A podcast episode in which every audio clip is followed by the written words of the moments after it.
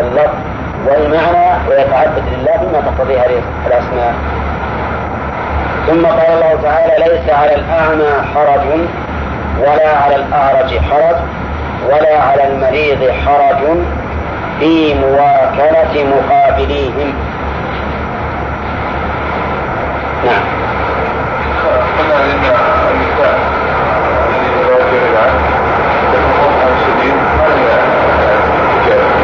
حكم حكم العجائز نعم العجائز لا يكون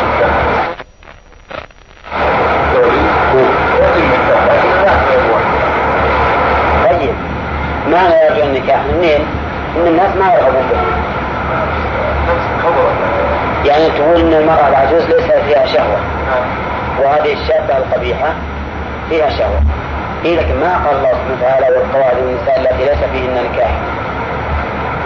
واللاتي لا يرجون نكاح. يعني يئسن من النكاح لأنهن علمنا أنه أن الناس لا يرغبون فلو قال والقواعد من النساء اللاتي لا نكاح فيهن أو لا شهوة فيهن صحيح. ما يجوز تعدية الحكم إلى القبيحة الشوهاء. لكن لما قال لا يرجون نكاحا يعني ما يأمن النكاح لا لا, لا لمجرد أنه لا شهوة فيه ولكن لأن الناس لا يرغبونه هنا نعم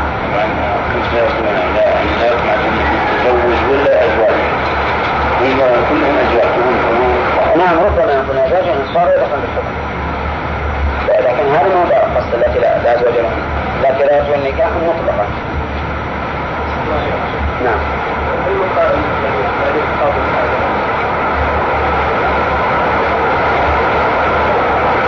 ما أعرف على أحد قال به. لكن أما عدم كتاب الإمام فهذا ثابت. معروف على القول به. أما تفاضل الأعمال فلا أعرف ولا أعلم الآن به قائل. لا. أصلا المرجع يخرجون الأعمال كلها من الإيمان. لا لكن ما يقولون إن الصلاة مثلا مثل الصيام والصيام مثل كذا. يرون إن بعض الأعمال أفضل من بعض بس هم يقولون انه غير داخله في الإيمان. يخرجونها. يخرجونها من الإيمان. ولا ولا أعلم أنهم يقولون إن الأعمال متساوية في فضلها ما أعلم ذلك ولا أظن أحد يقول به. لكن مسألة خارج من الإيمان. هذا هو الذي جعلهم يقولون إن إيمان أبي بكر وإيمان أصدق الناس واحد يعني عندهم الإيمان هو مجرد لقاء بالله عز وجل. أما مسألة الانقياد فهذا خارج من الإيمان. ليس على الأعمى حرج ولا على الأعرج حرج ولا على المريض حرج. الأعمى هذه اسم تفضيل ولا صفة مشبهة؟ إيه؟ صفة مشبهة ولا اسم تفضيل؟ صفة مشبهة لأن لأن وصف ذلك وليس معناه أنه أعمى من فلان مثلا. اسم التفضيل يعني معناه مفضل مفضل عليه وأما الأعمى والأعرج وشبهه فهذه صفة مشبهة يسمونها الصفات المشبهة يعني باسم الفاعل. طيب. وأما قوله تعالى ومن كان ومن كان في هذه أعمى فهو في الآخرة أعمى وأضل سبيلا. فإن ظاهره أن أعمى الثانية اسم تفضيل يعني أشد عمل وأضل سبيلا. لكن المعروف خصوصا عند البصريين أن هذه صفة مشبهة وأنه لا يجوز أن يصاغ اسم التفضيل من ذي صفة مشبهة على وزن أفعل أما الكوفيون فيقولون إنه لا بأس ويرون أنه لا بأس أن تقول فلان أعرج من فلان وفلان أعمى من فلان. وقولهم أصح لأن هذا شيء يقبله الذوق فلا مانع منه. قال ليس إنما المراد هنا بالأعمى الصفة المشبهة الذي لا يبصر. ولا على الأعرج حرج. الأعرج هو الذي لا يمشي مشيا مستقيما. ولا على المريض حرج. المريض هو الذي خرجت صحته عن الاعتدال هذا المريض. كل من خرجت صحته عن الاعتدال فهو مريض. وتختلف الأمراض. لكن في أي شيء؟ قال المؤلف في مواكلة مقابلين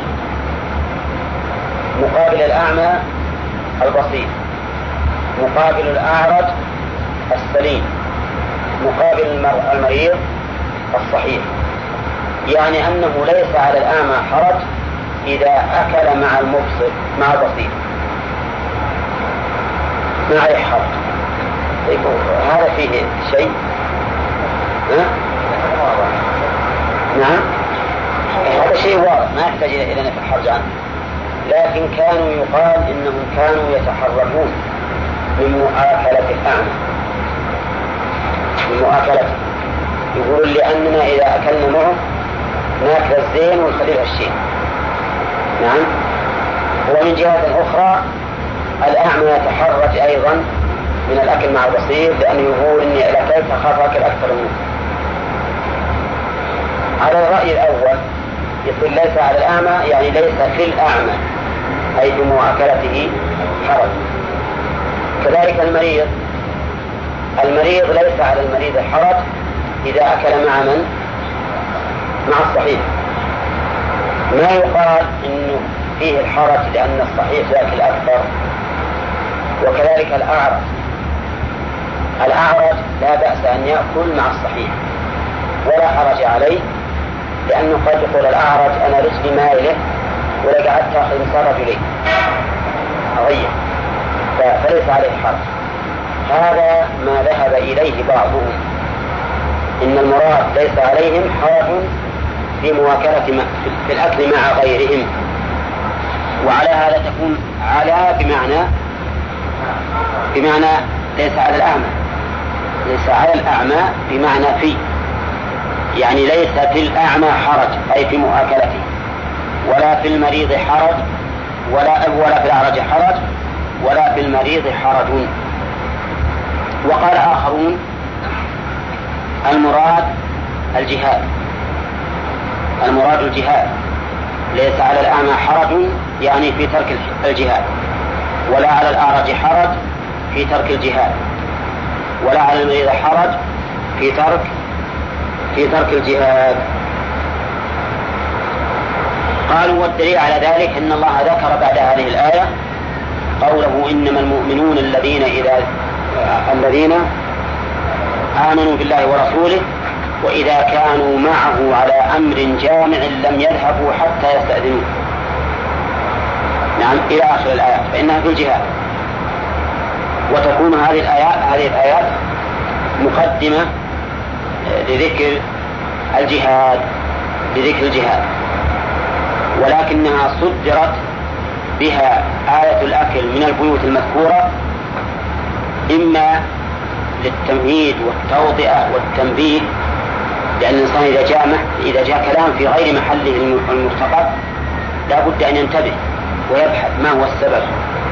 بخلاف ما إذا جاء الكلام على نسق واحد؟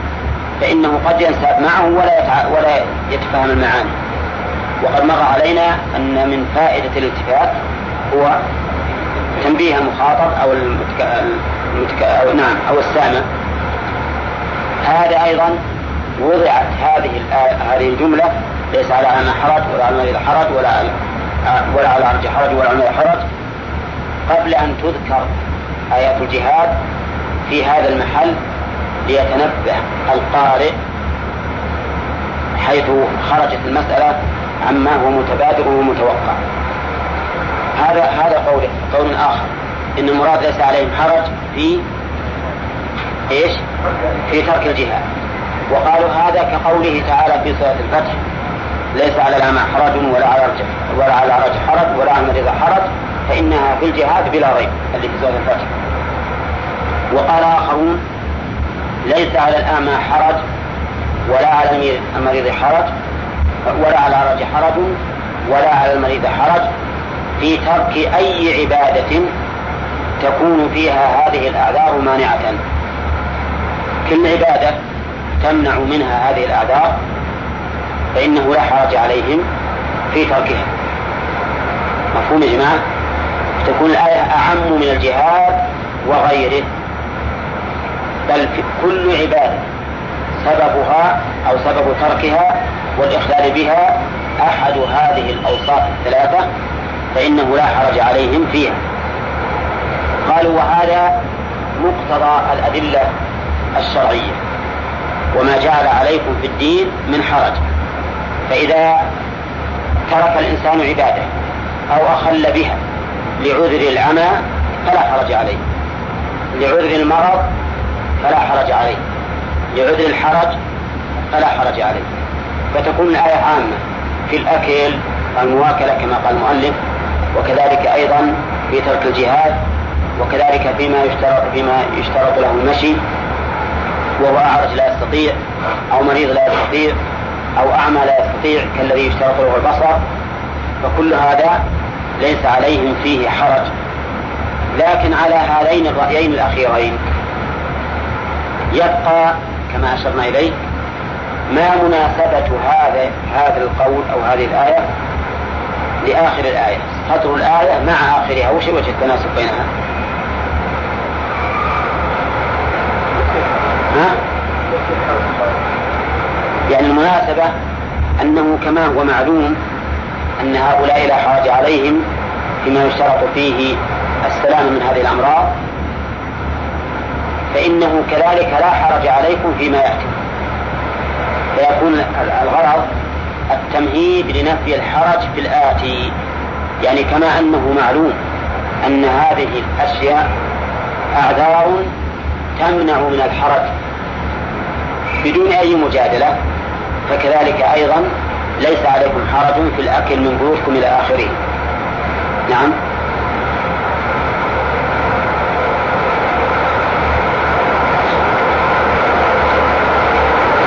طيب إذا ولا على أنفسكم أن تأكلوا. متعلقة باللي قبله ولا لا؟ لا. لأنك لو كانت متعلقة إذا صار المعنى ليس على لها حرج أن أن يأكل من بيته. نعم. ولا على حرج أن يأكل من بيته. ولكننا قلنا إن الآية عامة. يعني ليس على هؤلاء حرج فيما تكون هذه العلل عذرا لهم في تركه ثم قال ولا حرج على أنفسكم أن تأكلوا من بيوتكم أي بيوت أولادكم. قال المؤلف من بيوتكم؟ قال أي بيوت أولادكم. لماذا لم يجعل الآية عامة؟ من بيوتكم يعني بيوت أنفسكم. ها؟ أي نعم لأن شلون؟ لأن هذا لا حاجة إلى الحرج فيه لكن قد يقول قائل إن في آخر الآية ما يدل على أنه يراد بيوت الإنسان أيضا وهو قوله ليس عليكم جناح أن تأكلوا جميعا أو أشتاتا ويكون نفي الحرج عن الأكل من البيوت من حيث كونهم جميعا أو أشتاتا لا لمطلق الأكل. لا لمطلق الأكل. أنتم فاهمين يا جماعة؟ أقول من بيوتكم. المؤلف حمل حمل الآية على أن المراد ببيوت الإنسان بيوت أولاده. ونحن نقول لا مانع من أن يراد بها بيته الحقيقي وبيت ولده. فإن قال قائل أي فائدة لنفي الحرج عن أكله من بيته؟ قلنا لأجل ما يذكر في آخر الآية وهي ليس عليكم جناح أن تأكلوا جميعا أو أشتاتا. يعني ليس عليك جناح أن تأكل من بيتك سواء أكلت أنت وأهلك أو أكلتم متفرقين. وإن كان الأفضل الاجتماع على الأكل كما سنقول إن شاء الله عند آخر الآية لكن مع ذلك لا جناح. يعني ليس على الإنسان جناح أنه يأكل يتغدى لحاله ويأكل لحاله أو الحاله وزوجته لحاله أو ما أشبه ذلك. ولا بأس أيضا أن يأكل هو إياهم جميعا. لا بأس بهذا ولا بهذا. طيب يبقى النظر أو بيوت آبائكم إلى آخره. ما ذكر بيوت الأبناء أو الأولاد؟ ما ذكر بيوت الأولاد؟ نقول هي داخلة في قوله من بيوتكم. فإن بيت الولد بيت لأبيه لقول النبي صلى الله عليه وسلم إن أطيب ما أكلتم من كسبكم وإن أولادكم من كسبكم. ولقوله أنت ومالك لأبيك. فعليه يكون بيت الولد بيت للوالد. ونحن إنما انتقدنا عن المؤلف لم ننتقد إدخاله بيوت الأولاد في بيوت الإنسان فإن هذا صحيح وإنما انتقدنا تخصيصه بيوت شو؟ بيوت الأولاد فنحن نقول من بيوتكم؟ بيوتكم أي بيوت أنفسكم وبيوت أولادكم. بالنسبة لبيت الإنسان نفسه فائدتها ما ذكر في آخر الآية. وبالنسبة لبيت ولده أعم من ذلك أن تأكلوا من بيوت أو بيوت. كيف؟ أي نعم. أو بيوت آبائكم أو بيوت أمهاتكم. آبائكم يشمل الأب الأدنى والأعلى. فإن الجد أب كما قال الله تعالى ملة أبيكم إبراهيم. هو سماكم مسلمين من قبل. فسمى الله إبراهيم أبا لنا مع أنه مع أنه جد بعيد. وكذلك أمهاتكم. يشمل الأمة الدنيا التي ولدت الإنسان والأمة العليا التي هي الجدات لا ما اسمها الرضاعة التبني لأن حقوق القرابة ما تتعلق بها حقوق الرضاعة أو بيوت إخوانكم. الأشقة أو لأب أو لأم أو بيوت أخواتكم لكن بشرط ألا تكون ذات زوج. فإن كانت ذات زوج والمال له ما صارت بيت بيتا لأختي صار بيتا لزوجها لكن إذا كانت الأخت لها بيت فإنه لا بأس أن يأكل الإنسان من هذا البيت. أو بيوت أمهاتكم أو أو أخواتكم أو بيوت أعمامكم أو بيوت عماتكم. يقال في عماتكم مثل ما قلنا هي أخواتكم. يعني ما لم تكن العمة ذات زوج. فلا يأكل الإنسان من بيت زوجها لأنه له وليس لها أو بيوت أخوالكم أو بيوت خالاتكم. بالنسبة للأعمام والعمات والأخوال والخالات. يشمل الأدنى من هؤلاء والأعلى. فالأدنى أخو أبيك بالنسبة للعم والأعلى أخو جدك وإن على وبالنسبة للخال الأدنى أخو أمك والأعلى أخو جدتك وإن علت فإنه خال. أو أخوالكم؟ أو ما ملكتم مفاتحه أي خزنتموه لغيركم. قوله مفاتحة. المفاتح بمعنى الخزائن. يعني ما ملكتم خزائنه. وقيل إنها بمعنى المفاتيح. وهي ما يفتح به. فالمفتاح غير المفتاح. مفتاح جمعه مفاتح. مفتاح جمعه مفاتيح. قيل إنه يطلق المفتاح على المفاتيح. على المفتاح. والمفاتح على المفاتيح. وقيل لا المراد بالمفاتح الخزائن. والمفاتيح ما يفتح به ولكن القرآن يؤيد القول الأول. كما قال الله تعالى وآتيناهم من الكنوز ما إن مفاتيحه لتنوء بالعصبة وعلى هذا فنقول هنا في الآية الكريمة مفاتيحه أي خزائنه أو مفاتيح خزائنه. وقول ملكتم مفاتيحه وش معنى ملكتم مفاتيحه؟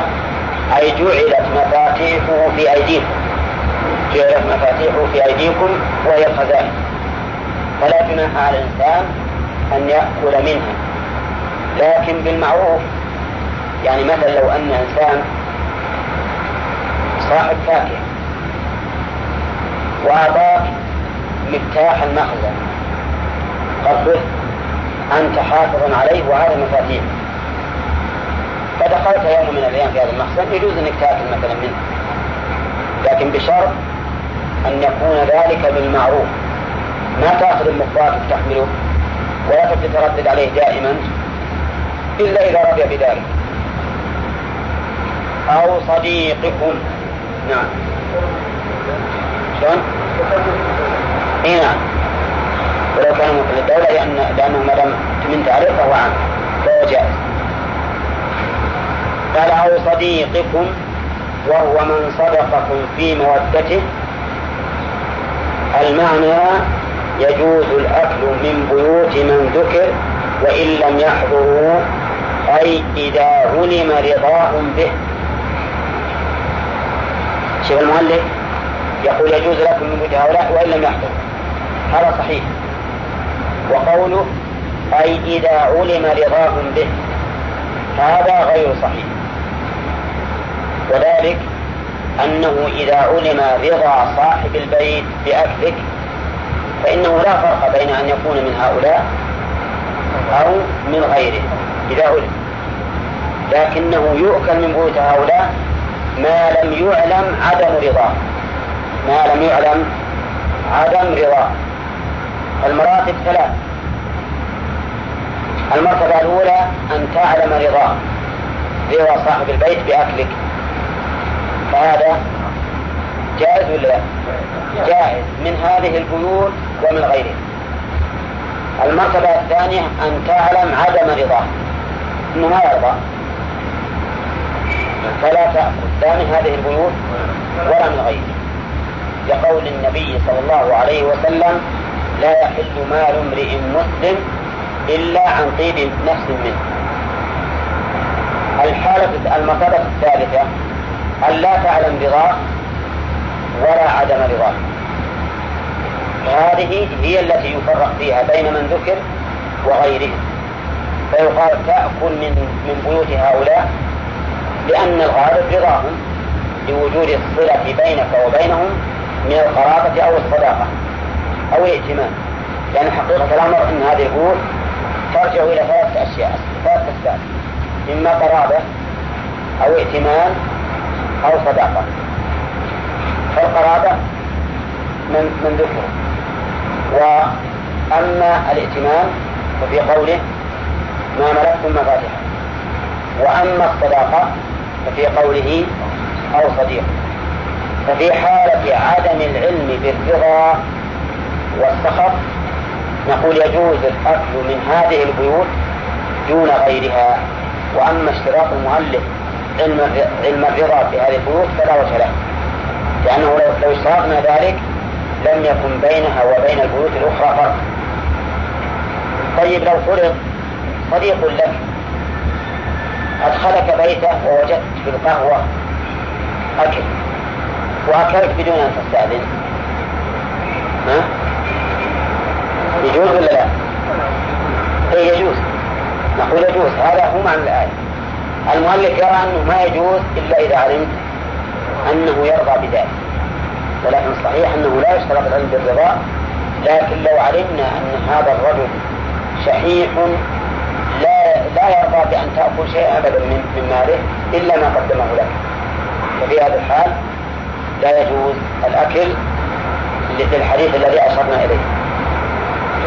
نعم.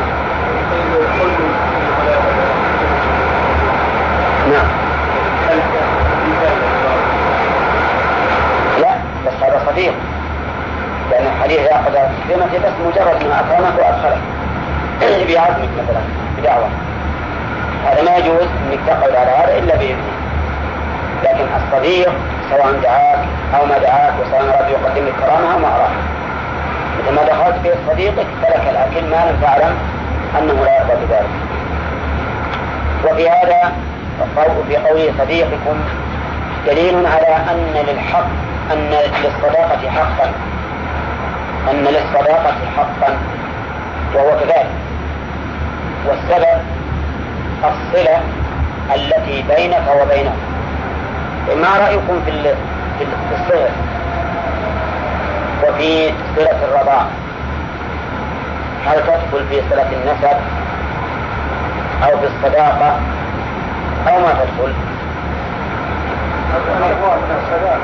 تدخل في الصداقة إن كان صديقا. لأنه قد لا يكون صديقا. كثير من الناس يكون أقول لك من الرضاعة وبينك وبينه عداوة. وكثير من الناس يكون هذا الرجل صهرا لك وبينك وبينه عداوة. المهم إذا لم يكن صداقة بين الصهر وصهره أو بين الرضيع وراضعه وهو مرضعه فإنه لا يجوز الأكل من بيته. ليس عليكم جناح أن تأكلوا جميعا مجتمعين أو أشتاتا متفرقين. جمع شت جمع شت شت وأشتات مثل سبب وأسباب. إلا أن سبب غير مدغمة وشت مدغمة. قال نزلت في من تحرج أن يأكل وحده وإذا لم يجد من يواكله يترك الأكل. هذه يقال أنها كانت عادة, عادة لبعض العرب. إذا ما وجد أحد يأكل معه ما يأكل. لازم ما يأكل إلا ومعه أحد. فإن لم يجد أحدا يأكل معه ما أكل شيئا أبدا. يموت من الجوع وهو ما أكل. لأن يلقى أحد يأكل معه. وهذا لا شك أنه دين على الكرم لكنه كرم فيه إفراط وإنما الكرم الذي القصد أنك تأكل مع غيرك وتأكل وحدك كما قال الله عز وجل ليس عليكم جناح أن تأكلوا جميعا أو أشتاتا وهذا في الجواز وأما الأفضل فهو الأكل جميعا. كما أمر النبي صلى الله عليه وسلم بذلك وأمر وأخبر أن في ذلك بركة. شكا إليه رجل أنه كان يأكل ولا يشبع. فقال له النبي عليه الصلاة والسلام لعلكم تأكلون متفرقين. قال نعم. قال اجتمعوا على أكلكم يبارك لكم فيه. فاجتماع الناس على الأكل هذا من أسباب البركة. كما أنه أيضا من أسباب الإلفة والمودة. لأن الناس أهل البيت مثلا متفرقون في أعمالهم. فإذا لم يكن شيء يجمعهم وهو الأكل فمتى يجتمعون؟ لكن مع المؤسف أن هذه السنة أصبحت الآن مفقودة عند كثير من الناس. تجد الأب يأكل وحده والولد الأكبر يأكل وحده والمتوسط يأكل وحده. نعم. اللي يمكن يجتمع النساء الحريم هذا اللي يمكن يجتمع أما الرجال فإن اجتماعهم فيما يظهر لي قليل. ولكن هذا خلاف السنة. السنة أن يجتمع الناس على الأكل. والحمد لله ينتظر بعضهم بعضا ما يضر. إذا إذا تأخر ربع ساعة في انتظار صاحبه ما الذي يضر؟ لأن كونهم يجتمعون ويتحدثون جميعا هذا يجلب المودة والإلفة لكن كون الولد ما يشوف أبوه أبدا بالليل يسهر الولد ويقول هنا بك. وبالنهار أبوه يطلب يعيشه والولد يجلس. وبالأكل أبوه يصلي مع الجماعة وإذا قاعد يتغدى مثلا أو ما أشبه ذلك. إذا متى يكون الاجتماع ومتى يكون الإلفة بين الناس؟ هل الأفضل الآن أن يأكل الرجل وأهل بيته من رجال ونساء؟ ها؟ نعم هذا هو الأفضل إنهم يأكلون جميع حتى الرجال مع النساء. وقد شاهدنا من السلف السابقين من يأكلون جميعا هم وأهلوه كنا عند أخوان لنا إذا أصبحنا عندهم أبدا. نجدهم كلهم يجتمعون.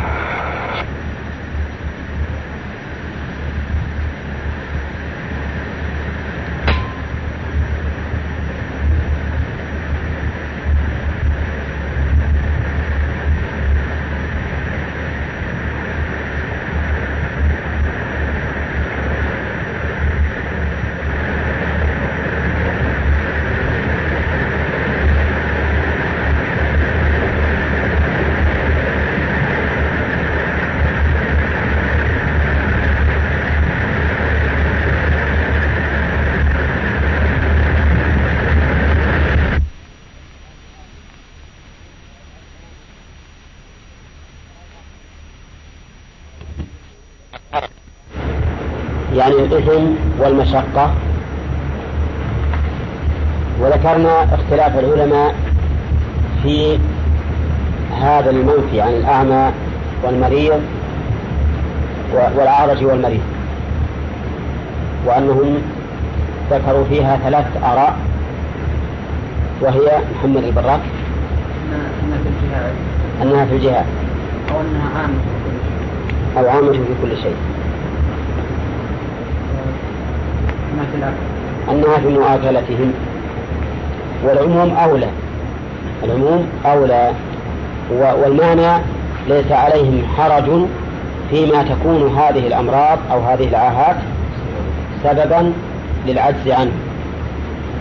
من جهاد أو غيره. فليس عليهم حرج. ويكون في ذلك تمهيد لما ذكر بعد. يعني فكما أن هؤلاء لا حرج عليهم فلا حرج عليكم أيضا أن تأكلوا من بيوتكم إلى آخره. ليس عليكم جناح أن تأكلوا جميعا يعني مجتمعين على الأكل أو أشتاتا متفرقين. ثم قال الله تعالى فإذا دخلتم بيوتا فسلموا على أنفسكم.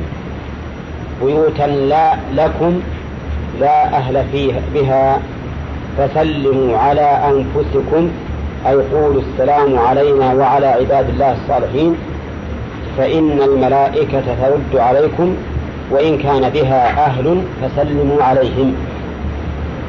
قوله إذا دخلتم بيوتا بيوتا نكرة في سياق إذا وش إذا؟ شرطية في سياق الشرط فتكون عامة لبيوت الإنسان وبيوت غيره. وقوله فسلموا على أنفسكم إن كان بها أهل وهي لغيره يسلم عليهم. أي على على من فيها. وسمي سلاما على النفس وهو على الغير لأن المؤمنين نفس واحدة. كما قال النبي صلى الله عليه وسلم مثل المؤمنين في توادهم وتراحمهم وتعاطفهم كمثل الجسد الواحد إذا اشتكى منه عضو تداعى له سائر الجسد بالحمى والسهر. وإن كانت بيوتا ليس فيها أحد فإن الإنسان يسلم على نفسه. يقول السلام علينا وعلى عباد الله الصالحين. لأن هذا هو السلام الذي علمه النبي صلى الله عليه وسلم أمته أن يسلموا على أنفسهم كما في الصلاة. وقوله تحية مصدر حية يعني تحيون تحية. وقوله من عند الله أضافها الله إليه لأنه هو الذي شرعها. من عند الله. يعني هذه التحية من عند الله. أو أنها إما أنه لأنه الذي شرعها. أو أنه الغاية بها. يعني أنها تطلب منه فإنك تقول السلام علينا أو السلام عليكم. فهي تطلب منه فهو غايتها أو هو مشرعها. فإضافتها إلى الله لأنه المشرع الشارع لها فهو الذي أمر بها من عند الله.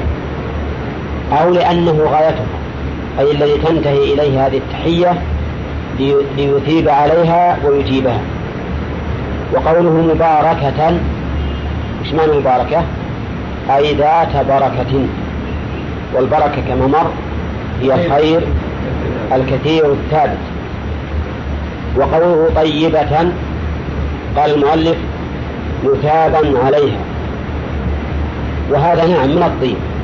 من الطيب أن تكون مثابا عليها. لكن من الطيب أيضا أن تكون موافقة لشريعة الله. لأن الأعمال الصالحة والطيبة معناه هي الموافقة للشرع. بأن تكون مخلصا فيها لله متبعا فيها رسول الله صلى الله عليه وسلم. وقوله طيبة كذلك يبين الله لكم الآيات أي يفصل لكم معالم دينكم لعلكم تعقلون. لكي لكي تفهموا ذلك. كذلك يبين مر علينا أنها أننا نعرب الكاف اسما بمعنى مثل على أنها مفعول مطلق ليبين أي مثل ذلك البيان يبين والآيات سبق أن المراد بها الشرعية والكونية. فالشرعية ما جاءت به الرسل. والكونية مخلوقات الله التي نشاهد ونسمع. وقول لعلكم تعقلون لعل هذه للتعليل أي لأجل أن تعقلوا. ومعنى العقل هنا الفهم على ما مشى عليه المؤلف. ولكن الأصح أنه أعم من ذلك أنه الفهم وحسن التصرف لأن العقل كما مر علينا نوعان ما هو؟ إيه؟ وعقل تصرف. فعقل الإدراك هو مناط التكليف. ومناط التكليف وهو حاصل للمسلم والكافر والبر والفاجر وعقل التصرف هو إحسان التصرف. أن يكون الإنسان يتصرف تصرفا مبنيا على عقل. نعم. هذا يخرج منه الكافر والفاسق. لأنهم لا لم يحسنوا التصرف فهم غير عاقلين. ولهذا دائما ينفي الله سبحانه وتعالى العقل عنها عن الكفار مع أنهم من أذكى الناس وأفهمهم. لكن ليس عندهم عقل التصرف. عندهم عقل الإدراك فقط. والذي يحمد والذي يحمد عليه الإنسان هو عقل التصرف. أما العقل الأول فإنه لا يحمد عليه لأنه ليس من كسبه. نعم. العقل يعني ما له إيش؟ ما له أصل يعني في اللغة أو الشرع يعني. الا له أصل. لأنه من العقال اذا أنه يعقل صاحبه بإحسان التصرف. ليس تصرف المجنون كتصرف هذا؟ من عقل الإدراك. هو عقل الإدراك. العقل الذي يتميز به الإنسان عن المجنون هو عقل الإدراك. طيب المهم من المراد بالعقل هنا ليس مجرد الفهم لأننا إذا فسرناه بمجرد الفهم حولناه إلى عقل الإدراك فقط. وعقل الإدراك ليس مناطا ليس مناطا للمدح وإنما المناط للمدح عقل التصرف الذي يحسن به الإنسان التصرف وهذا هو المراد بهذه الآية. أي لعلكم تعقلون تدركون ذلك وتحسنون التصرف بمقتضى هذه الآيات التي بينها الله لكم. طيب يستفاد من هذه الآية من هذه الآية لأننا أظن ما أخذنا فوائدها أمس. أولا بيان رحمة الله سبحانه وتعالى في نفي الحرج عمن لا يستحقه. لقوله ليس على الأعمى حرج ولا على الأعرج حرج ولا على المريض حرج.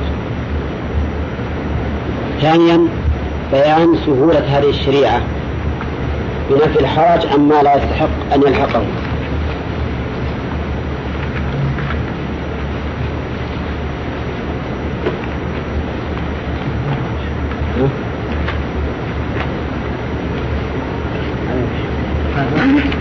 بعد؟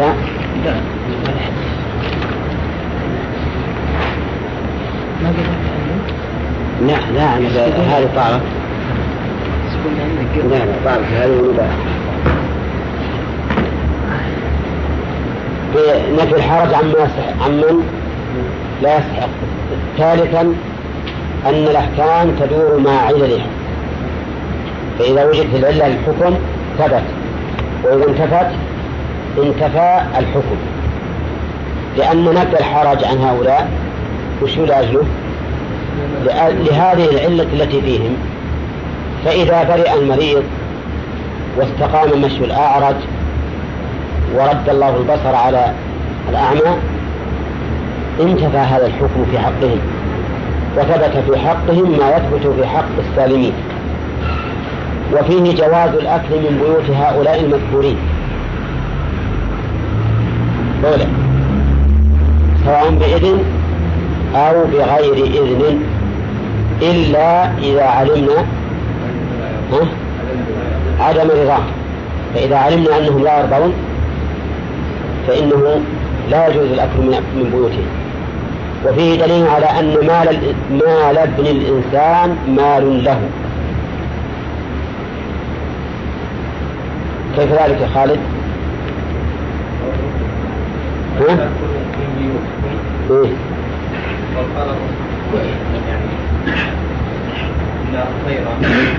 بمعنى يعني ما أكلتم إن أطيب ما أكلتم إن أطيب ما أكلتم وإن أولادكم من كسب طيب وهنا وجه الدالة من الآية. هنا ولم يذكر يعني الأولاد. يعني ما ذكر أولاد فدل على أن المراد بالبيوت بيوت بيوتكم وبيوت أولادكم. طيب. و... وفيه دليل أيضا على تحكيم العادة في الأمور. لأنه إنما أبيح لنا الأكل من هذه البيوت لأن العادة والعرف الرضا بذلك. العادة والعرف الرضا بذلك. وعلى لأن معروف هذه الأقارب والصديق ومالك المفاتيح كلهم مما جرى العرف بأنهم يسامحون في الأكل. ولكنه سبق أن الإنسان لا يحمل شيئا يأكل ولا يحمل. ولهذا إنما أجاز الله الأكل فقط. وفيه أيضا في الآية دليل على جواز الأكل مجتمعين ومتفرقين. بقوله جميعا أو أشتاتا. ولكن الأفضل كما مر الاجتماع. وفيه أيضا على دليل على مشروعية السلام عند الدخول إلى البيوت. لقوله فإذا دخلتم بيوتا فسلموا على أنفسكم. وكان هذا من هدي النبي صلى الله عليه وسلم إلا أن الإنسان يبدأ بشيء قبل السلام وهو السواك. إذا دخل بيته يبدأ أولا بالتسوق ثم يسلم على أهله. نعم.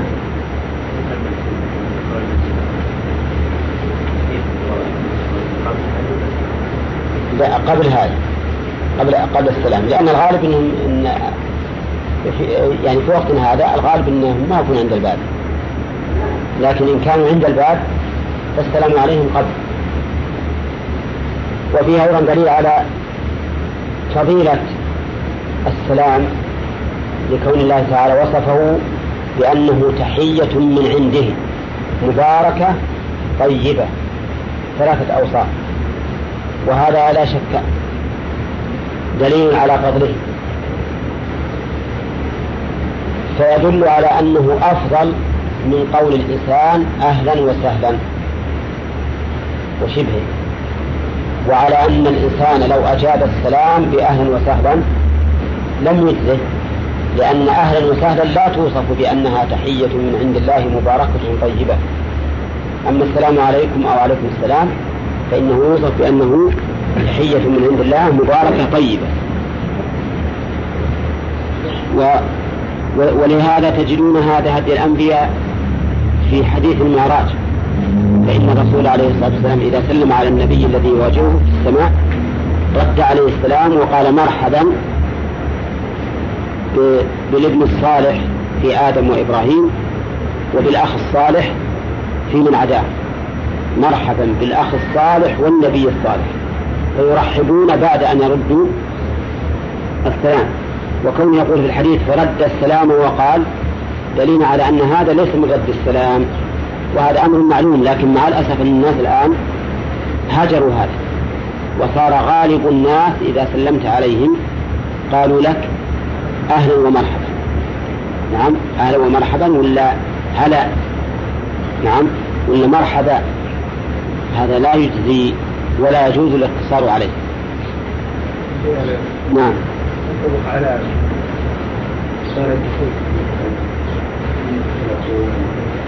إي نعم نعم. السلام تسكت إي نعم. كل ما خطبت أحد تسلم عليه لأن حقيقة التلفون مواجهة لكنها غيبية. مواجهة غيبية. فتقول السلام عليكم. ولكن أيضا هذا مما يؤسف له ان الناس الآن كلهم صغير وكبير يمكن يقول عالم ومجاهد ما يفعلون هذا. يقول ألو. نعم. وألو أسمع. ثم تلفون؟ حين يقول أنا أرى أن الأسماء الواردة. لا بأس أنها تبقى على ما هي عليه. لأن الأسماء المعربة في اللغة العربية موجودة من قديم. فلا بأس نقول تلفون ولا ولا ولا يلزم نقول هاتف مثلا. وكذلك نقول راديو ولا يلزم نقول مذياع. لكن المشكل الشيء المخالف للشرع. يعني نبدي الكلمة الشرعية واردة في مثل هذا المقام ها بكلمة غير شرعية. هذا هو المشكل. ولا مسألة الأسماء التي هم, هم الذي صنعوها وسموها بهذا بهذا الاسم. ما علينا منهم.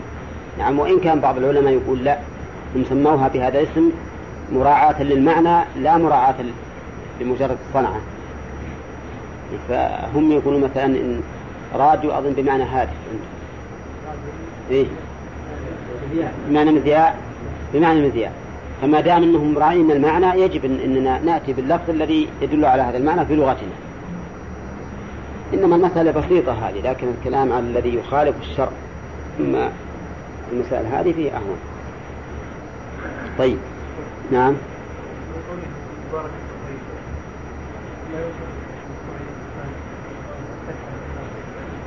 الحث على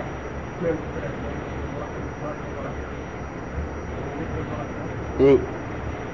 إيه نعم ربما يؤخذ منه وربما يقال إن مطلق السلام فيه البركة مطلق السلام فيه البركة وهو أولى لأن تقييدنا إليه تقييدنا به أو تقييدنا إياه بما إذا قال ورحمة الله وبركاته يكون تقييد لشيء موسع. فالنبي عليه الصلاة والسلام دائما يسلم يقول السلام عليكم. نعم. ولكن مع ذلك نقول إن الأفضل ورحمة الله وبركاته. لا شك في هذا. إنما إذا اقتصر على الأول فإنه يصح أن نقول تحية من عند الله مباركة طيبة. لأن هذا وصف للتحية لا وصف لصيغتها. يعني نفس التحية مباركة طيبة وليس وصفا لصيغتها أن تكون فيها لفظ البركة ولفظ الطيب. ولا كان نقول بعد وطيباته. وقوله آه، وفي هذه الآية أيضا دليل على عناية الله سبحانه وتعالى بالخلق حيث كان يبين لهم الآيات لأجل أن يتصرفوا تصرف العاقل فيتبعوا شريعته كذلك يبين الله لكم الآيات لعلكم تعقلون. ومر علينا أن هذا العقل أو هذا البيان بالنسبة للآيات الشرعية ما ما يعرفها إلا المؤمنون الذين آمنوا بها وعقلوها. وأما الآيات الكونية فقد يؤمن بها حتى الكافر. الكفار يؤمنون بأن الله خالق السماوات والأرض وأنه بيده ملكوت السماوات والأرض وأنه منزل الغيث إلى آخره. ثم قال الله تعالى إنما المؤمنون. نعم.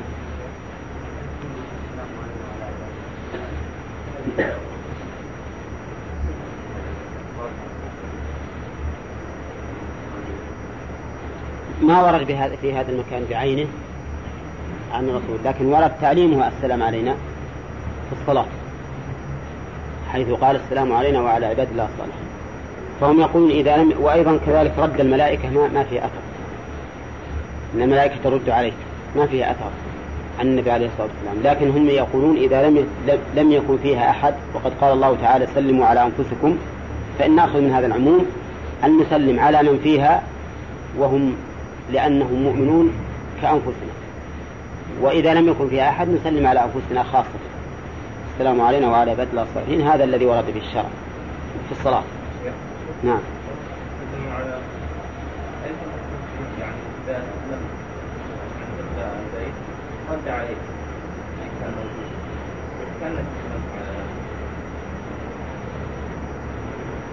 يمكن هذا لكنه على بعد. يمكن تكون سلمت على نفسك لأنك أنت السبب في رده والمتسبب كالمباشر مثل قول الرسول عليه الصلاة والسلام يلعن أبا الرجل فيلعن أباه. لما قالوا هل يلعن الرجل والديه؟ هذا يمكن أن نجعل وجه كونه على أنفسنا أننا إذا سلمنا رد علينا لكنه في الحقيقة قد يتخلف فيما إذا لم يرد. فإذا سلمت عليه فقد سلمت على نفسي رد أم لم يرد؟ حتى لو فرض أنه ما رد علي فقد امتثلت الأمر. هنا نعم. محمد؟ عندهم أعذار بما نعذرهم بما كان هذا هذه العاهة. نعم. نعم. فهل نقول كذلك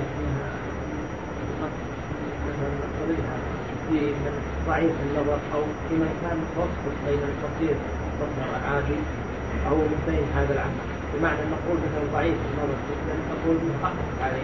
إيه نعم. يعني مثلا لو فرضنا أن الإنسان كلف بكتابه. الكتابة واجبة إذا دعي الإنسان إليها. نعم. كما قال الله تعالى فليكتب يعني لو دعاك أحد تكتب بينهم وثيقة وأنت قادر فقد أمرك الله أن تكتب. إذا كان ضعيف النظر ما يستطيع ما عليه حرج. لو مو باعمى على كل حال. يعني هذه العاهات إن كانت كاملة عذر الإنسان فيها عذرا كاملا وإن كانت ناقصة فبحسب الحكم يدل مع علته سؤالك؟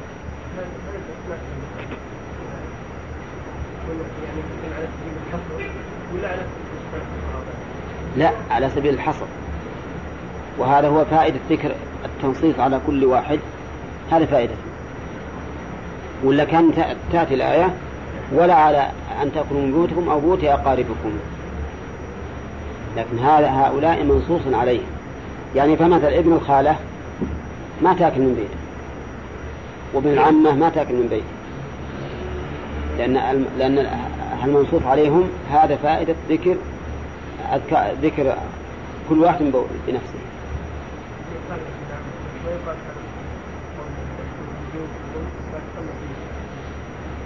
لا لا. العمة ما ما هو ما هو بيت لك لا ولا يصح قياسا لأنك لو أردت أن تقيسها على من بيوتكم جعلتها أعلى من العمة يعني جعلتها في منزلة أولى أن تؤكل من العمة إذا إذا دخلتها في بيوتكم لا ما تؤكل. لا غير هؤلاء المنصوص عليهم ما تأكل من بيته إلا إذا أذن. يعني هو والأجنبي سواء. نعم.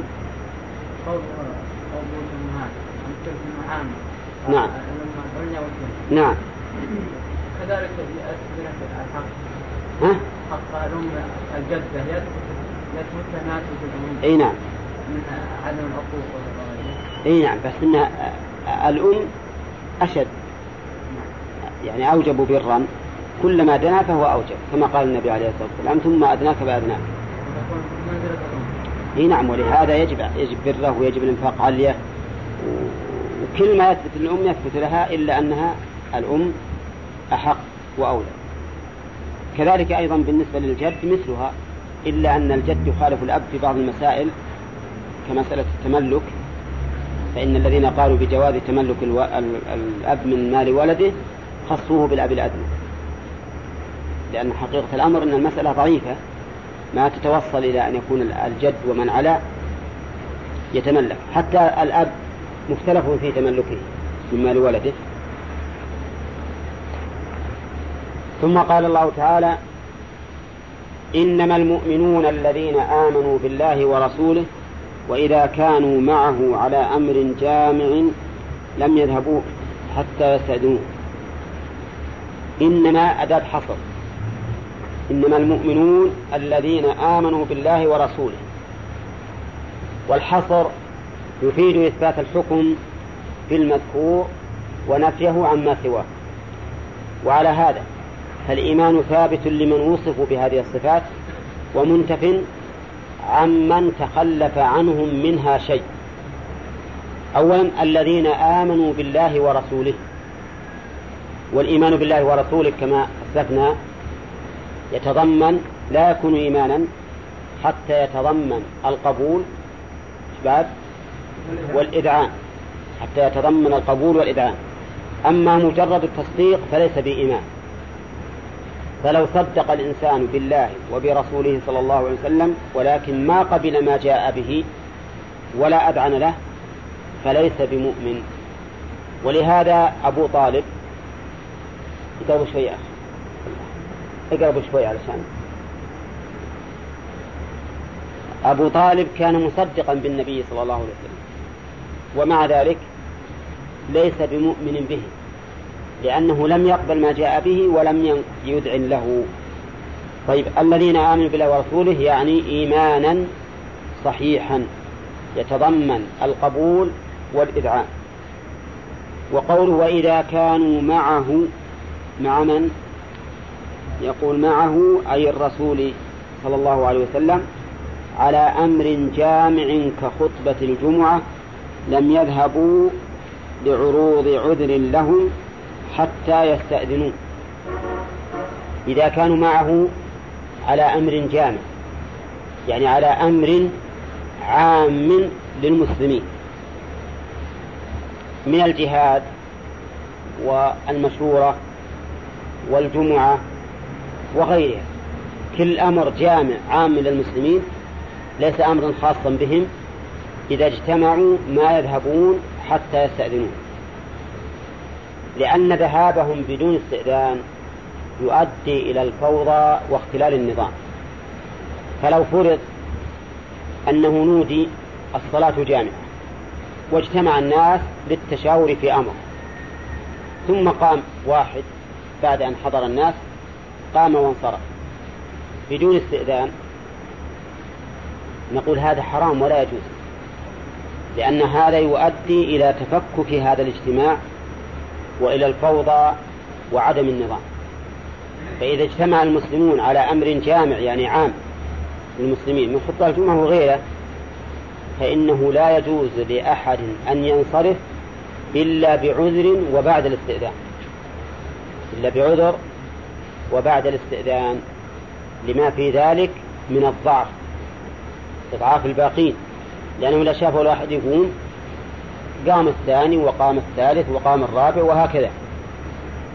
ولا شك أنه كما كما نشاهد نحن الآن أنه إذا قام واحد من المجتمع فإنه يتبعه أناس.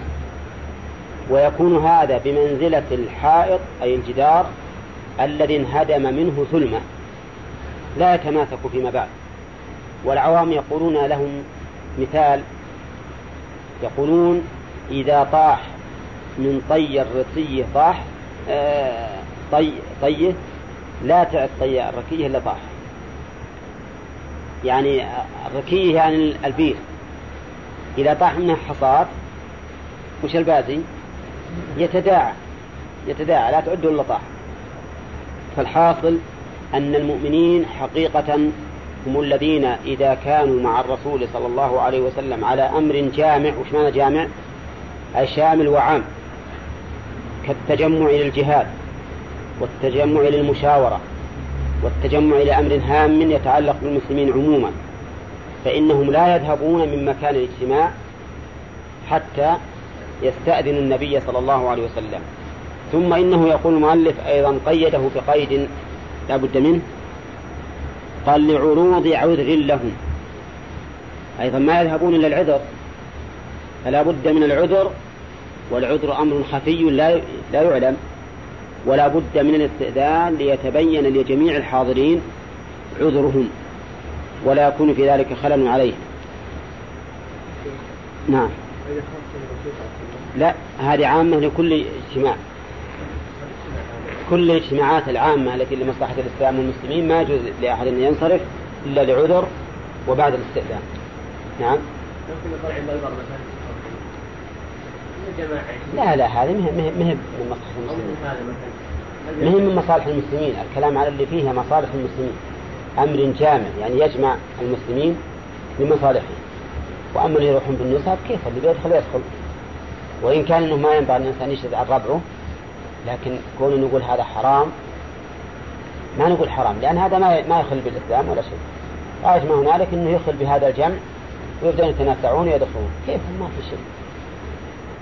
طيب وإذا كانوا معه لم يذهبوا حتى يستأذنوه إن الذين يستأذنونك أولئك الذين يؤمنون بالله ورسوله. إن الذين يستأذنونك أولئك الذين يؤمنون بالله. لا شك أن تركيب الجملة على هذا يدل على الشرف ورفعة المكان المكانة.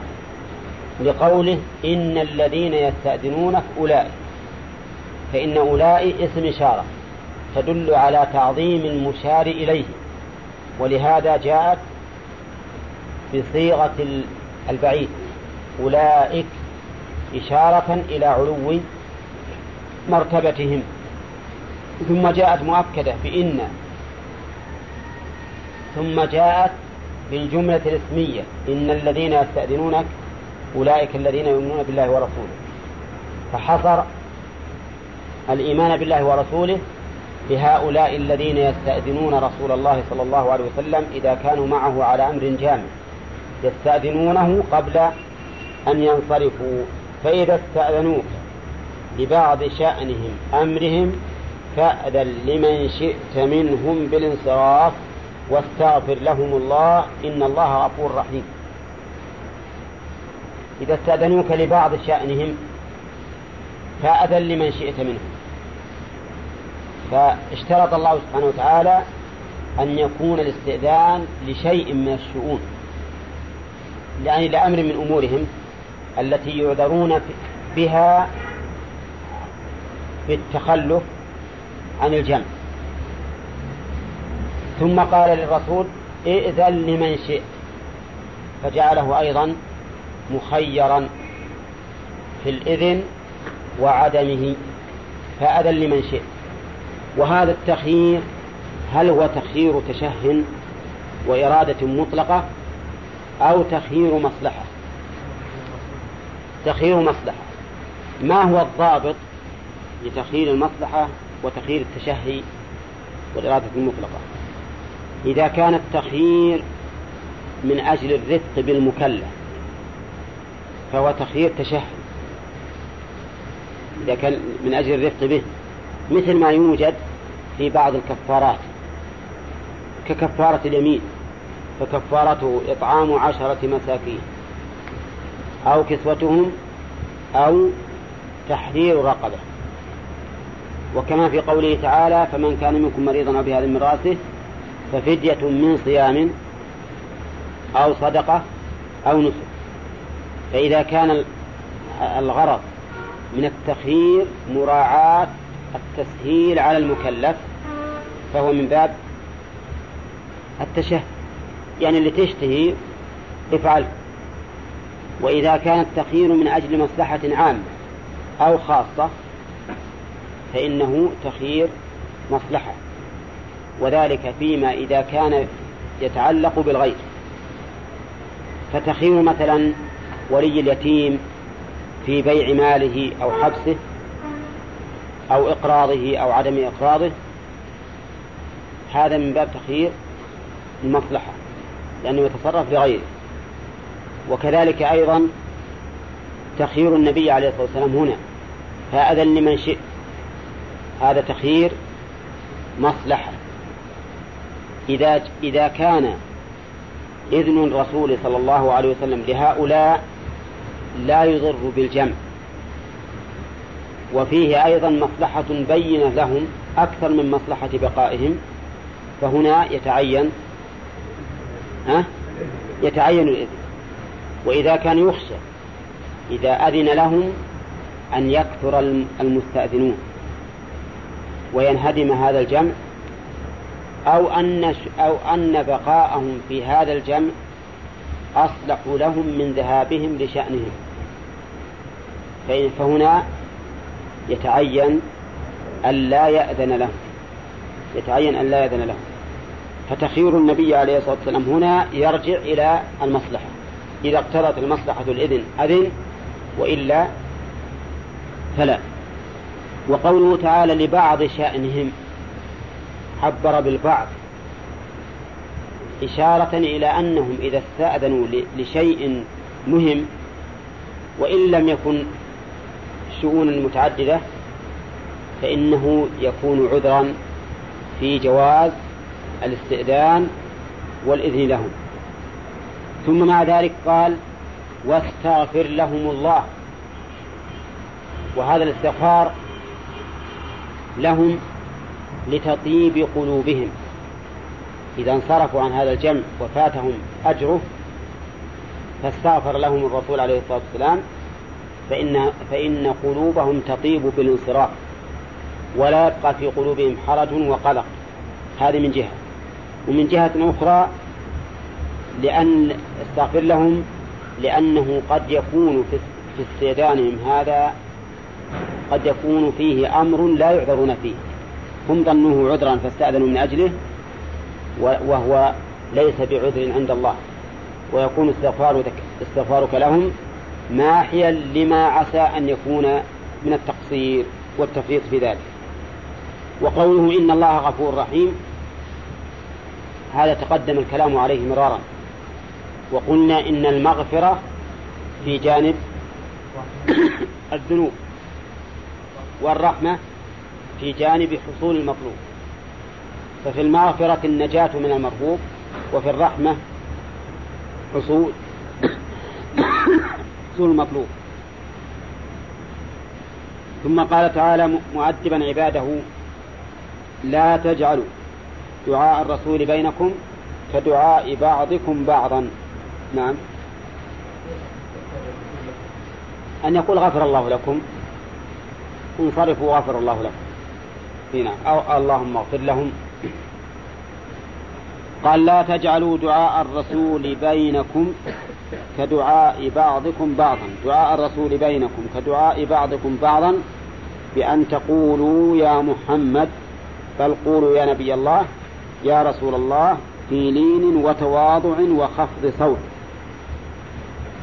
إلى آخره. قول لا تجعلوا دعاء الرسول بينكم كدعاء بعضكم بعضا. دعاء على كلام المؤلف بمعنى نداء. دعاء بمعنى نداء. ومنه قولكم دعوت فلانا أي ناديته. وعلى هذا فدعاء مضاف إلى مفعوله لأن دعاء مصدر مضاف إلى مفعوله. وفاعله محذوف. والتقدير لا تجعلوا دعاءكم الرسول. هذا الأصل. فحذف الفاعل وأضيف المصدر إلى مفعوله. أي دعاء أي دعاء الرسول أي دعاءكم الرسول. هذا أصله. وقوله كدعاء بعضكم بعضا. هذا مضاف إلى فاعله ومفعوله بعضا. يعني كما إذا دعا بعضكم بعضا. فإننا عندما ندعو يدعو بعضنا بعضا نقول يا فلان لكن النبي عليه الصلاة والسلام له من الحق والإكرام ما لا يليق بنا أن ندعوه باسمه. بل نقول يا نبي الله يا رسول الله. وقد التزم الصحابة رضي الله عنهم هذا الأدب فصاروا ينادون النبي صلى الله عليه وسلم بوصفه بالنبوة أو بالرسالة.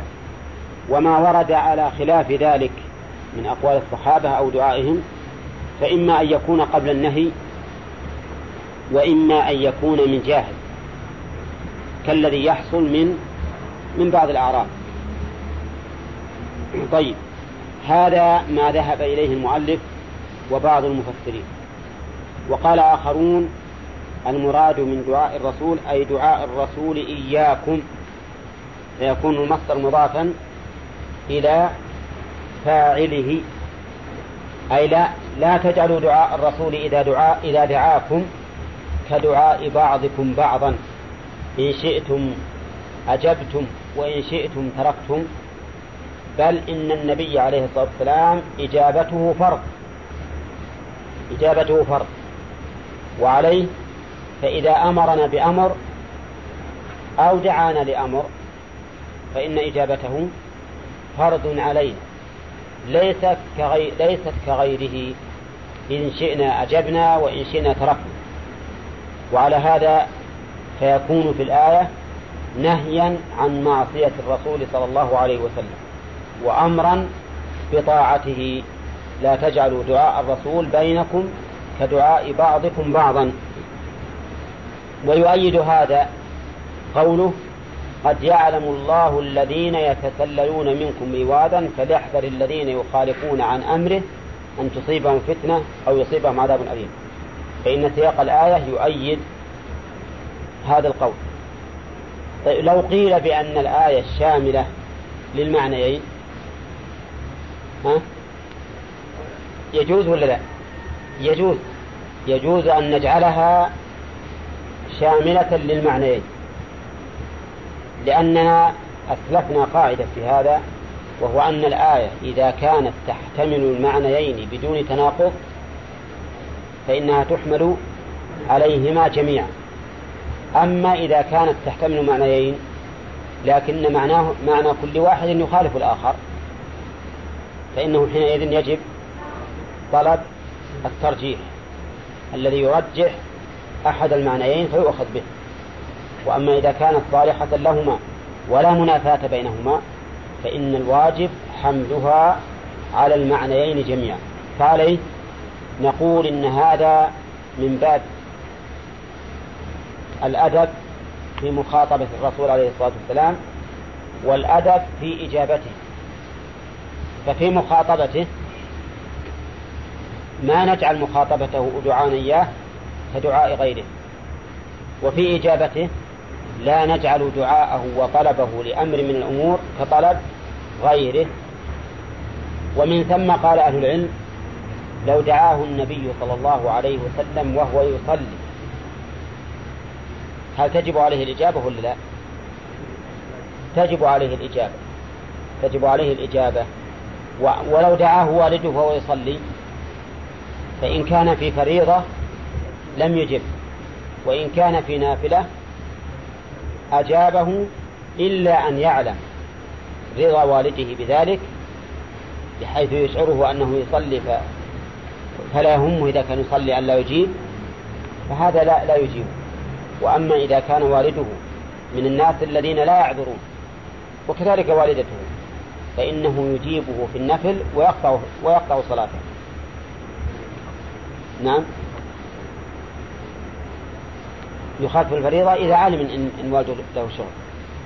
لكن لا على وجه يخل بها.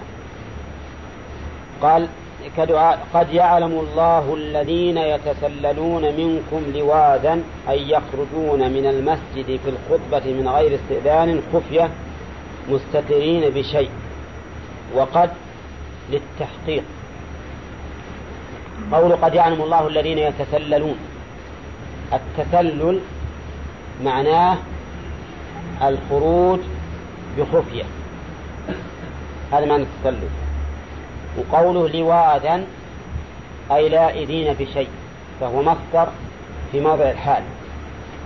يعني يتسلل ويلود بشيء كالسارية مثلا أو كالشخص الآخر مثل واقف ثم يروح من وراه وينسل وما أشبه ذلك. وقول المؤلف آه، في الجمعة هذا بناء على أن المراد بالأمر الجامع خطبة الجمعة. وإذا قلنا أن المراد به ما هو أعم وفي صيغة يتسللون وشو عنه؟ عن موضع الجمع سواء في الجمعة أو في غيره. فالله تعالى عالم بهؤلاء الذين يتسللون لائذين بشيء لأنهم خرجوا عما كان عليه المسلمون وعما يجب عليهم أن يكونوا عليه. وقوله قد يعلم الله قال المؤلف قد للتحقيق. وإنما نص على ذلك بأن المعروف في علم النحو أن قد إن دخلت على ماض فهي للتحقيق وإن دخلت على ما على مضارع فهي للتقليد. قد يجود البخيل وقد يفهم البليد وقد يسبق العاجز وما أشبه ذلك. هذه للتقليد لكنها أحيانا تأتي للتحقيق. مثل هذه الآية قد يعلم الله الذين يتسلون منكم لواذا ومثل قوله تعالى قد يعلم الله المعوقين منكم والقائلين لإخوانهم. وإنما أتي بالمضارع هنا لأجل أن يتبين أن هذا العلم ليس لما مضى فقط بل ولما يستقبل. فعلم الله بهؤلاء المتصلين ليس علما بمن سبق تسلله بل بمن سبق تسلله وبمن يأتي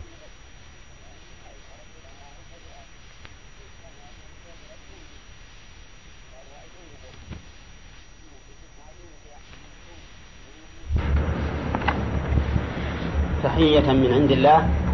مباركة طيبة. وأن ذلك من الآيات التي بينها الله تعالى للعباد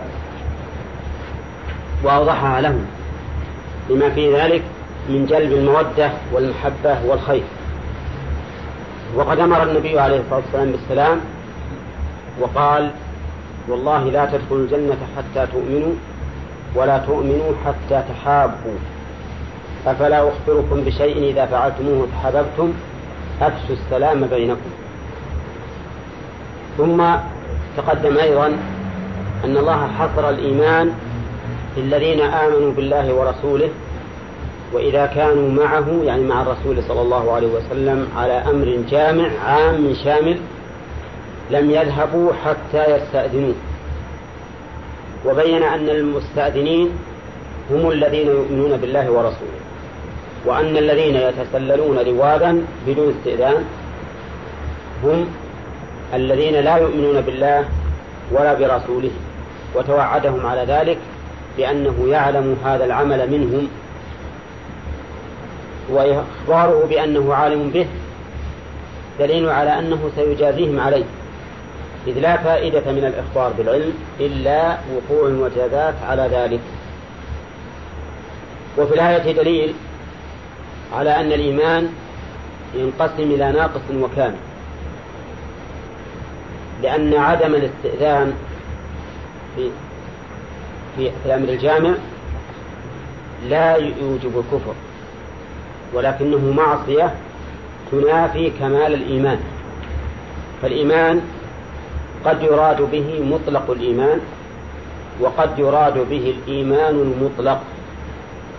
والفرق أن مطلق الإيمان يصدق ولو بإيمان ناقص. والإيمان المطلق هو الإيمان الكامل. ففرق بين مطلق الإيمان أن تضيف مطلق إلى إيمان وبين أن تصف الإيمان بالمطلق. فالإيمان المطلق أي الكامل ومطلق الإيمان أي أن يكون مع الإنسان أصل الإيمان وإن لم يكن كاملا. ففي قوله تعالى في كفارة القتل فدية مسلمة إلى أهله وتحرير رقبة مؤمنة المراد بالإيمان هنا المطلق أو مطلق الإيمان ها؟ مطلق الإيمان ليش؟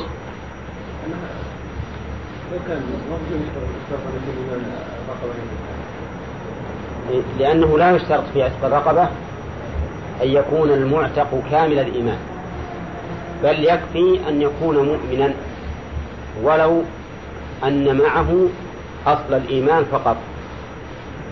وفي قوله إنما المؤمنون الذين آمنوا بالله ورسوله كهذه الآية وفي قوله إنما المؤمنون الذين إذا ذكر الله وجلت قلوبهم وإذا تليت عليهم آياته زادتهم إيمانا المراد بالإيمان الإيمان المطلق يعني الإيمان الكامل هو الذي يكون على هذه الأوصاف. وفي الآية دليل على أن ولي الأمر يجب عليه التيسير على من تحت يده. بقوله فإذا استأذنوك لبعض شأنهم فأذن لمن شئت منهم. وفيه أيضا دليل على أن الاستئذان بدون عذر لا يقبل. لقوله إن استأذنوك إيش؟ لبعض شأنهم. فإذا استأذنوك لبعض شأنهم. أما إذا استأذنوا لمجرد أنهم يريدون أن يتركوا العمل فإنه لا لا يؤذن لهم. وفيها أيضا دليل على تفويض الأمر إلى من له ولاية. لقوله لمن شئ. ولكن هذا التفويض كما أشرنا إليه في الدرس تفويض للمصلحة لا لمجرد التشهي والإرادة بل لا بد إذا رأى أن في الإذن لهم مصلحة أذن له. فإذا رأى أن المصلحة في عدم الإذن فلا يجوز أن يأذن. وفيها أيضا عناية الله سبحانه وتعالى بعباده المؤمنين حيث أمر النبي صلى الله عليه وسلم أن يستغفر لهم ليطمئنوا على هذا الانصراف. وفيه أيضا أن الأولى عدم الاستئذان حتى وإن كان للإنسان شأن, لأن الأمر بالاستغفار دليل على أن هناك شيئا من من التفريط الذي أمر النبي عليه الصلاة والسلام بأن يستغفر لهم عليه.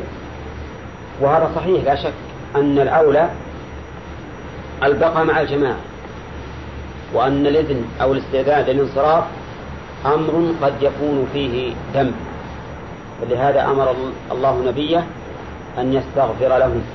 قال واستغفر لهم الله. وفي الآية دليل أيضا على انتفاع الإنسان بدعاء غيره. لقوله واستغفر لهم الله. والشاهد على ذلك من كتاب الله وسنة رسوله صلى الله عليه وسلم كثيرة. ولكن هل ينتفع الإنسان بعمل غيره سوى الدعاء أو لا ينتفع؟ نعم. الجواب إن كان له أثر في ذلك العمل فإنه ينتفع به بلا شك. مثل أن يكون هو الذي سن هذه السنة يعني ابتدأ العمل بها للناس ودل عليها فإن النبي صلى الله عليه وسلم يقول من سن في الإسلام سنة حسنة فله أجرها وأجر من عمل بها إلى يوم القيامة. وكذلك إذا كان له أثر في العامل مثل أن يكون والدا له فإن أطيب ما, ما أكلتم من كسبكم وإن أولادكم من كسبكم. فالوالد ينتفع بعمل ابنه إذا تبرع به له. ولهذا جاء رجل إلى النبي عليه الصلاة والسلام فقال يا رسول الله إن أمي ابتلتت نفسها وإنها لو تكلمت لتصدقت. أفأتصدق عنها؟ قال نعم. وكذلك المرأة التي سألت النبي صلى الله عليه وسلم على أمها صوم شهر فهل يجزئ أن تصوم عنها؟ فأذن لها النبي عليه الصلاة والسلام. وكذلك الحج حيث سألت امرأة النبي صلى الله عليه وسلم فقالت إن أباها أدركته فريضة الله على عباده بالحج شيخا لا يستطيع الركوب على الراحلة أفأحج عنه؟ قال نعم وذلك في حجة الوداع. فإذا كان للمهدى إليه أو أو للإنسان أثر في العمل أو في العامل انتفع به. لكن إذا لم يكن له أثر فيهما مثل أن يتبرع قريب لقريبه أو صديق لصديقه بعمل صالح. فهل يجزئ ذلك أو لا يجزي؟ اختلف في ذلك أهل العلم. منهم من يرى أنه يجزي وأن الإنسان لو عمل عملا صالحا وجعل ثوابه لشخص من المسلمين فإنه ينتفع به. وهذا هو المشهور من مذهب الإمام أحمد. على أن أي قربة وطاعة يتقرب بها العبد إلى الله ويجعل ثوابها لمسلم حي أو ميت فإن ذا فإنه ينتفع بذلك. و ودليلهم على هذا قياس غير الأولاد على الأولاد. قالوا لأنه إذا إذا جاز أن يصل عمل غير الإنسان إليه فلا فرق بين بين أن يكون ولدا أو غير ولد. الشأن هل ينتفع الإنسان بعمل غيره؟ والذين قالوا بالمنع قالوا إن الولد ليس كغيره لأن الولد من أثر الإنسان ومن كسبه وفعله وليس كالأخ والقريب والصديق ونحوه. أما الدعاء للمسلمين فهذا أمر مجمع عليه. ولا وفيه الكتاب نص الكتاب والسنة والإجماع ولا أحد يخالف في ذلك. فإذا سألنا سائل أيما أولى أن أصلي ركعتين وأتصدق به بثوابهما لشخص من أقاربي غير الأب أو أن أدعو لهذا الشخص في صلاتي؟ نقول الأفضل أن تدعو له في صلاتك لأن هذا أمر مجمع على نفعه. وأما أن تتصدق عليه بثواب صلاتك فهذا مختلف فيه. من العلماء من يرى جوازه ومنهم من يرى أنه ليس بجائز وليس بمشروع وأن الميت لا ينتفع به. هذا في غير من استؤجر لعمل صالح ليهديه إلى غيره. كاستئجار بعض القراء ليقرأوا قرآنا للمي للميت. فإن هذا لا ينتفع به الميت قطعا. لأن هذا الرجل الذي قرأ لأجل المال إنما قرأ للدنيا. ومن كان يريد الحياة الدنيا وزينتها فليس له حظ في الآخرة. وعلى هذا فلا ثواب لهذا القارئ وإذا لم يكن له ثواب نعم هل ينتفع الميت بذلك؟ لأنه إنما ينتفع بالثواب لا بمجرد القراءة. فإذا قلنا هذا القارئ لا ثواب له لأنه أراد بعمل الآخرة الدنيا بقي الميت غير مستفيد من هذه القراءة. ثم قال الله تعالى نعم. ذبح وقال اللهم هذا عن محمد وعن أمة محمد نعم. هذا يعني عمل عم وجعل من غيره يستدل به على هذا يستدل به لكن هذا من باب الصدقة. هذا من باب الصدقة وهو المال. وليس من باب العبادات البدنية نعم تصدق بنفس الشاة يعني ثواب لكن أهدى ثواب اللحم التقرب إلى الله فين الله لحومها ولا دماءه ولكن له التقنون فهذا الثواب الذي حصل له بهذا الذبح هذا الذبح عمل مالي. ما هي بعمل بدني محض. مالي فهو كالصدقة. وأما عمل بدني محض يصلي الإنسان مثلا أو يسبح أو يهلل أو يقرأ فليس مثل هذا مثل هذا نعم ينقص عليه سائر الصدقات سائر الأعمال الأعمال الصالحة قلت الأعمال البدنية مثل أي لكن لو تصدق بصدقة أي واللهم انها مثلا عن فلان هذه هذه يجوز عند عند أكثر أهل العلم لأنها لأنهم يستدلون بحديث الرجل الذي قال إن أمي تصدقت. ماتت أفأتصدق عنها؟ قال نعم. ويستدلون أيضا بالأخرى. ويستدلون بالأخرى. أن الرسول ضحى عن أمته وفيهم من هو حي وميت وليس النبي عليه الصلاة والسلام لهم. لكن لقائل أن يقول إن الرسول عليه الصلاة والسلام أب للمؤمنين. إن الرسول أب للمؤمنين فهو كالرجل يضحي عن أهل بيته. فالمسألة ما هي من الأمور التي يطمئن الإنسان إذا صحت القول بأن كل الأعمال تنفع الميت إذا أهديت له أو تنفع الحي إذا أهديت له. ليست من الأمور التي يطمئن فيها الإنسان إلى هذا القول. ولهذا نرى أن الدعاء للأموات خير من إهداء القرب لهم إلا ما ورد به النص فيتبع.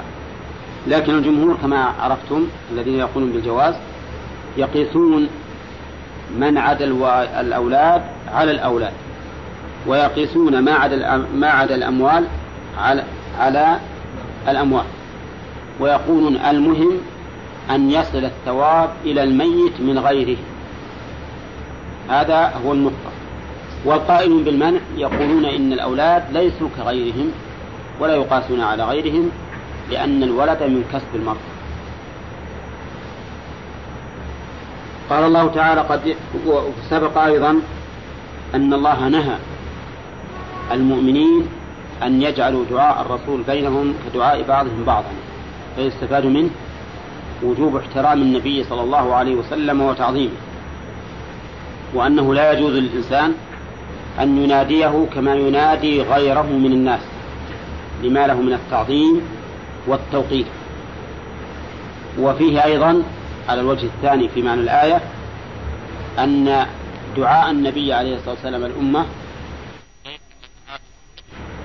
فإذا دعاك النبي صلى الله عليه وسلم إلى أمر أو أمرك به فإنه يجب عليك أن لا تجعل هذا الدعاء كدعاء غيره لما لما في إجابته من امتثال أمر الله ورسوله. وفيه أيضا تحذير المتسللين في الأمور الجامعة بدون عذر واستئذان. لقوله قد يعلم الله